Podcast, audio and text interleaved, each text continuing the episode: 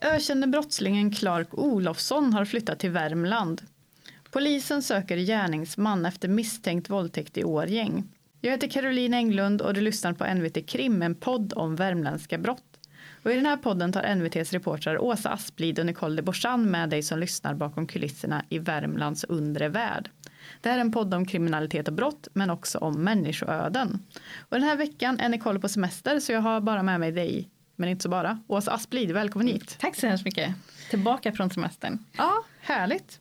Idag ska vi prata om flera olika saker men vi ska börja med ett förtydligande från förra veckan. Då pratade jag och Nicole om eh, politikern Anders Knape som misstänks för sexköp. Och jag frågade Nicole om vad som kan hända med de här eh, misstänkta sexköparna nu. Och hon berättade då att de kan få ett straffföreläggande eller att det här kan gå till rättegång. Men det kan ju också bli så att förundersökningen läggs ner. Det vill jag förtydliga.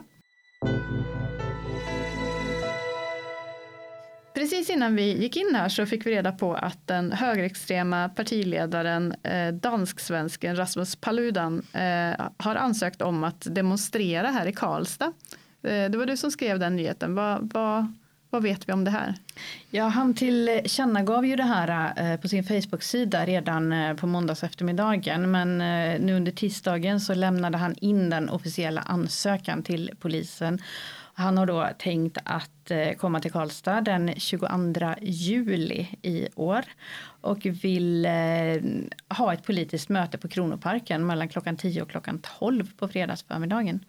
Eh, och om det är någon som inte har hört talas om den här mannen, vem är han? Ja, han, eh, han företräder ett eh, ex, högerextremt danskt parti som heter Stram kurs som eh, demonstrerar mot islam och, och på väldigt kontroversiella sätt. Och, och, det har ju lett till de här upploppen som skedde under påskhelgen. Det är bara någon dag sedan fyra personer dömdes där för blåljussabotage efter att de hade attackerat polisen då i samband med de här kravallerna. Och vad är det han vill göra eh, på den här demonstrationen i Karlstad? Nu står det ju inte exakt, mötet, exakt vad han vill göra men han har ju beskrivit det som att han vill kunna ha med sig en megafon, en tändare och böcker. Så mycket talar väl för att han har tänkt sig att eh, bränna Koranen även här. Det är ju det han har velat göra vid de här tidigare eh, mötena han har haft runt om i Sverige och som då har, har lett till de här våldsamma kravallerna. Eh, jag såg i din artikel också att det stod om urin och grisblod. Ja, det är ju så han har formulerat det i ansökan. Att eh, Det står att vi blir två till tio personer. Vi vill ta med megafon, tändare, socker, eventuellt urin och grisblod. Eh, jag vet inte riktigt vad han har tänkt göra med det här och jag, jag, ställde faktiskt frågan till polisen om man eh, får ha med sig urin och grisblod i samband med sådana här tillställningar eh, och det kunde hon faktiskt inte svara på, hon visste inte säkert. Där. Vad säger polisen om att den här ansökan har kommit in? De eh, ska titta igenom själva ansökan nu då och, eh, och se om det utifrån deras bedömningar går att genomföra ett möte på den tid och den plats som man har angivit i, eh, i ansökan på ett säkert sätt som, som de uttrycker det. Och eh, om de inte tycker att Eh, det är genomförbart så har de då möjlighet att justera antingen tiden för den här sammankomsten eller platsen för den. Um, och det tar ungefär en vecka antagligen innan de har, har gett något besked om de beviljar det här eller inte. Men hur förbereder sig polisen på det här då? Ja, än så länge så gör de ju inte det alls då. För de säger att de, de börjar inte med några förberedelser överhuvudtaget innan de har beviljat en eventuell sammankomst. Och hur har det sett ut sen de här upploppen som skedde vid påsk?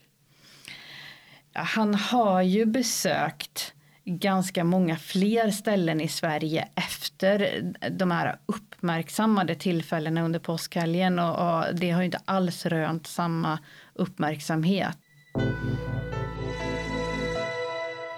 Förra veckan slog nyheten ner som en bomb. En av landets mest ökända brottslingar, Clark Olofsson, bekräftade att han flyttar till Värmland. Varför blev det här en så stor grej? Ja, det är ju eh, en, en av våra mest kända brottslingar. Han har varit eh, brottsligt aktiv sedan 60-talet. Så i större delen av svenska befolkningen har någon form av relation till, till Clark Olofsson tror jag. Man känner till hans namn. Och eh, just nu går ju dessutom en eh, Netflix-dokumentär om, om Clarks liv som har blivit eh, en eh, supersuccé. Så, så det är väldigt många som, som har honom och hans liv färskt i minne just nu. Vad handlar den här serien om då? Ja, den handlar ju om, om, om Clark Olofssons liv. Den är grundad på, på hans egenskrivna memoarer så att den är ju det, den tar ju enbart upp de delar som, som Clark kanske själv vill lyfta fram i sitt liv. Så det är ju inte en helt okritisk dokumentär det här. Varför är han så känd då?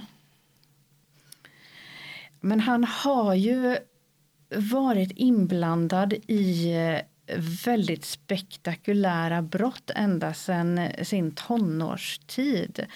Eh, redan som 19-åring så, så gjorde han inbrott på, på dåvarande statsminister Tage Erlanders eh, bostad på Harpsund eh, i, i Södermanland och stal vindruvor och tomater bland annat ur, ur växthuset. Eh, därefter så, eh, så var bara några månader senare så var han inblandad i, i en incident som ledde till att han misshandlade två polismän i Eskilstuna. Eh, och, och, det är ju sådana eh, det är brott som, som väcker uppmärksamhet. Eh, och, och sen har det rullat på. Eh, ytterligare lite senare så eh, så var han och, eh, och en dåvarande kompis till honom gjorde eh, ett inbrott eller rån mot en cykelaffär i Nyköping. Och det ledde till en, eh, en polisjakt där, där Clark Olofssons kompis sköt ihjäl en, en polisman. Och det, det här är ju, det är ju superextrema händelser som, som sker väldigt sällan, som tur är. Eh, Clark greps ett par veckor senare också i samband med, med polisefterföljande där även han sköt mot polisen men, men den polisen träffades bara i axeln. Men mest känd är han väl för det här Norrmalmstorgsdramat?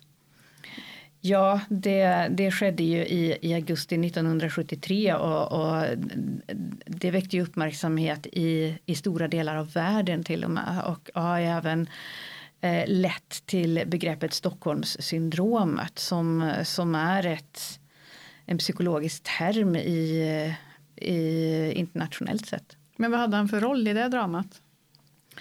Hela, hela den här händelsen är ju så extremt speciell. Det var en en um, annan kriminell person som hette Janne Olsson. Han lärde känna Clark Olofsson när de satt uh, i fängelse tillsammans. Eh, Jan Olsson hade permission och väljer då att eh, åka till Norrmalmstorg och beväpnad med en k-pist och dynamit går han in på eh, dåvarande Kreditbanken och annonserar att det här är ett rån helt enkelt. Han får med sig tre kvinnor i, 20-30 års åldern som, som gisslan och förskansar sig sen nere i bankvalvet och via telefon tror jag med, med polisen sen förklarar han att eh, han eh, vill få dit, eh, vill att Clark Olofsson ska släppas ur, eh, ur fängelset. Eh, annars så, så tänker han skjuta gisslan eh, redan där så har du ju en, en situation som väcker enorm uppmärksamhet. Och eh, en, en svårhanterlig situation. Det här blir en fråga på regeringsnivå så, så det, det fattas ett regeringsbeslut om att Clark Olofsson ska hämtas från fängelset. Eh, sedan väljer polisen att eh, släppa in honom i banken. Eh, och du ringde ju upp eh, Clark Olofsson när det blev känt att han eh, skulle flytta till Värmland. Ja, jag pratade med honom på, på måndags eftermiddagen. Eh, han hade då redan tidigare pratat med, med vår kollega Viktor eh, Sunnemark som, som talade med honom eh, eh, strax innan midsommar när det först blev känt att han flyttat hit.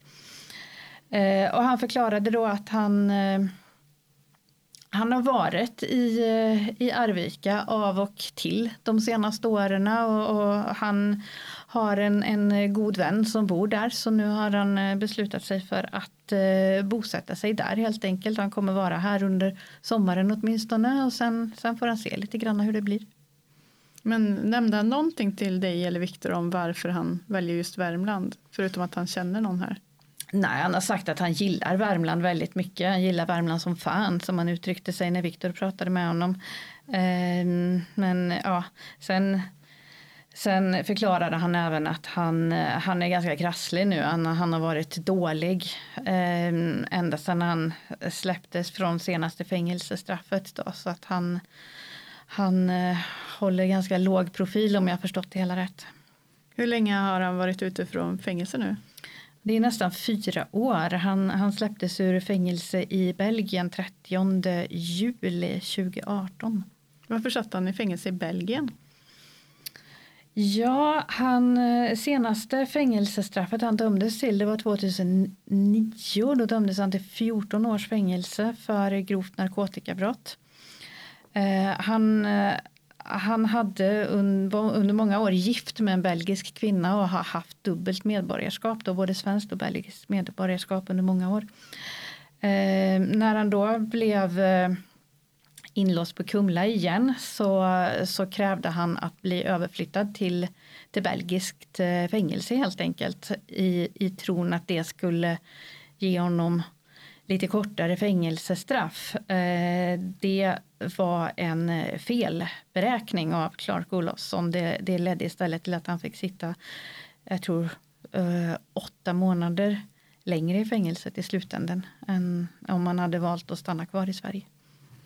Men sen dess har han då, sedan han kom ut därifrån, eh, bott på lite olika platser i, i Sverige då? Ja, framförallt i södra Sverige och Skåne. Jag tror att han har en del eh, anhöriga i Skåne. Eh, fram tills nyligen så var han eh, skriven hemma hos en eh, god vän i Malmö. Och eh, den mannen har pratade i, i tidningar om om att han hade Clark boende hos sig för ett par månader sedan. Och då hade han förklarat att han trodde att eh, Clark framförallt vill ha en eh, postadress i på en, en fast adress i Sverige och eh, sen varför han väljer att byta bostad med jämna mellanrum det vet jag inte. Eh, du har ju pratat med hans nya grannar också. Vad, vad säger de? Ja, jag ringde och, och, pratade med boende i Arvika och frågade vad de eh, tyckte om att ha eh, landets eh, kanske mest kände brottsling i, i närområdet. Och det var väl, det var kanske inte klang och jubel hos de här personerna. Men några visste inte alls om det och blev väldigt eh, paffa över det här och ganska, ja, visste inte riktigt vad de skulle säga.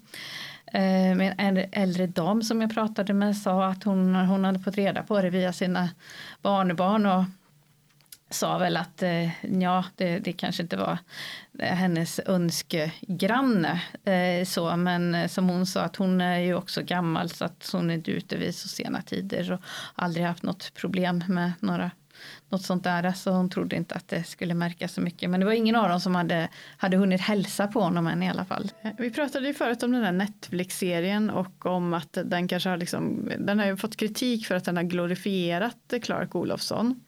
Varför har den fått den kritiken?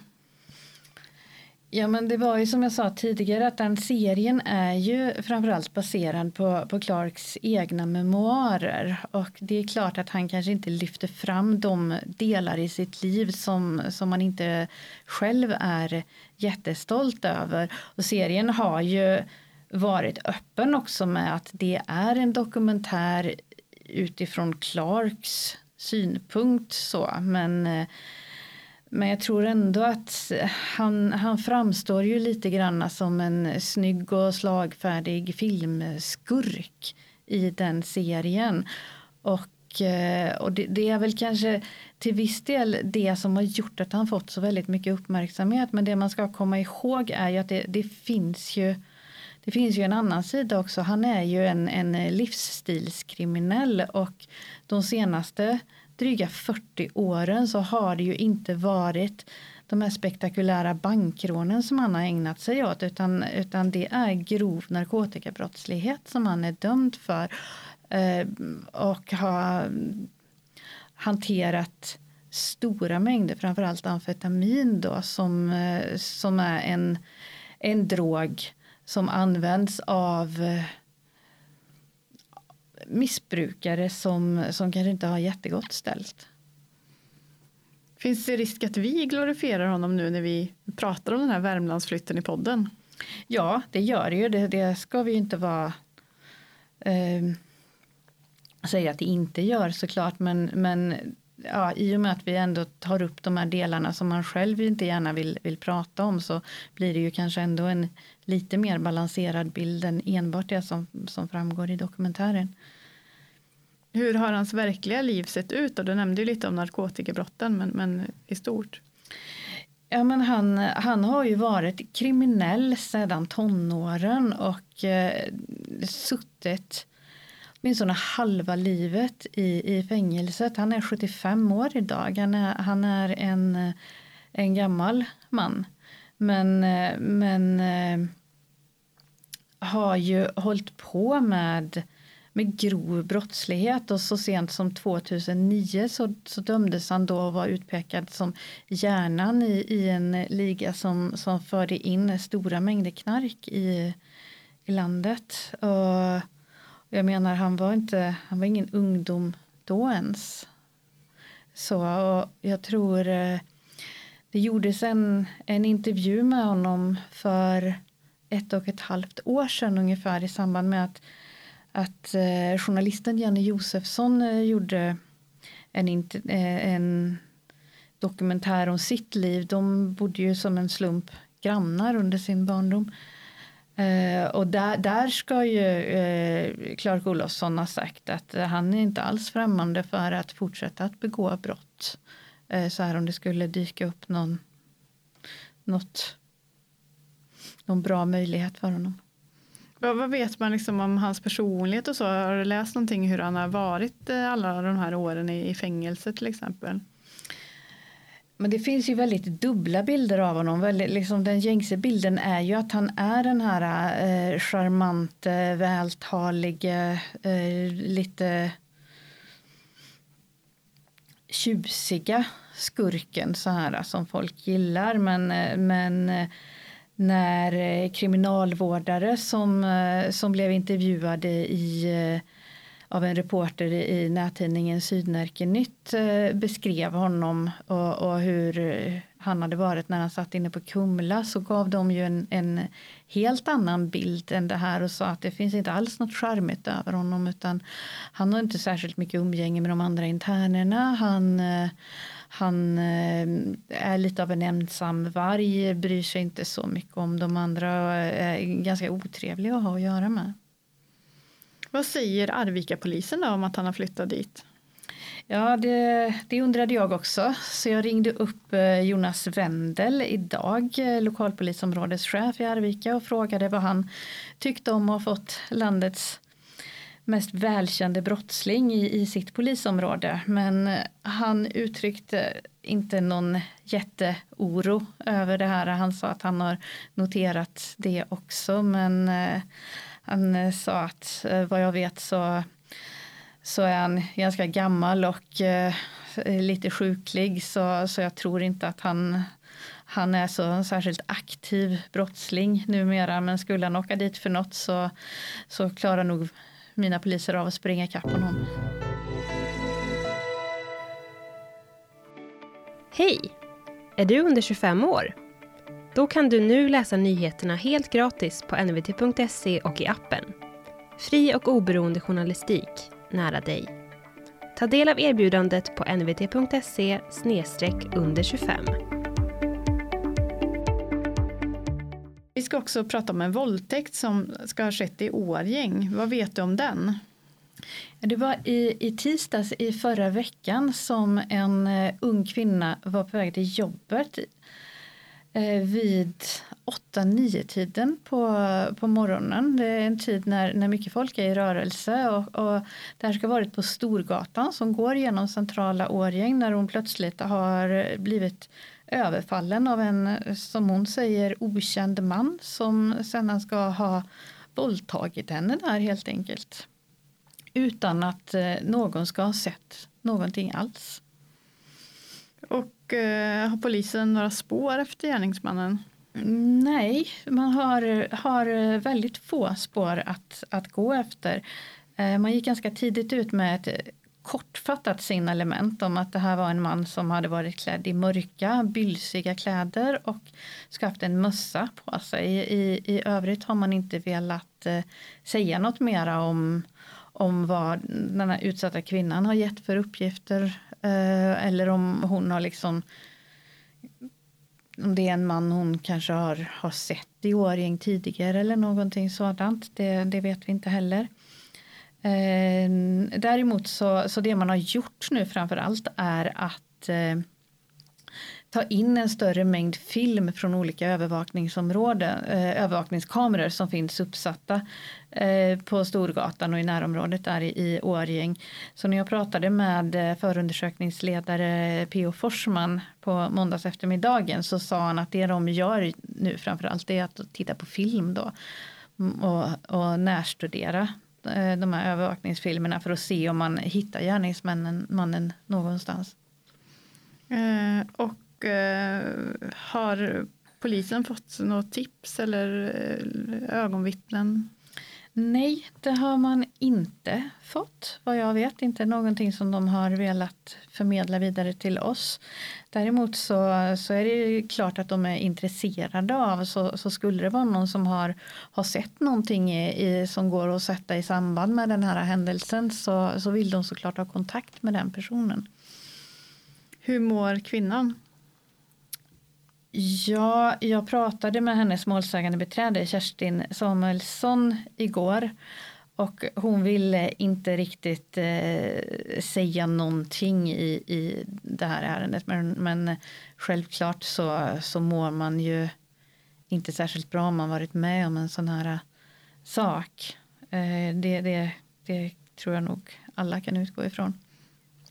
Sen får vi se, det, det polisen gör nu är ju att man bland annat har tagit eh, skickat iväg vissa föremål som man har tagit i beslag på analys till Nationellt forensiskt center.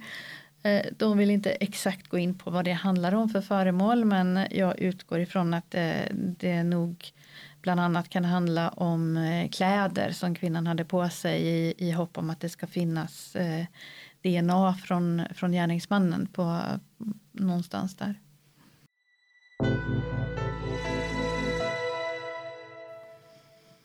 Eh, vi har pratat en hel del om den här konflikten mellan eh, det kriminella motorcykelgänget Hells Angels och eh, det så kallade Grumsnätverket.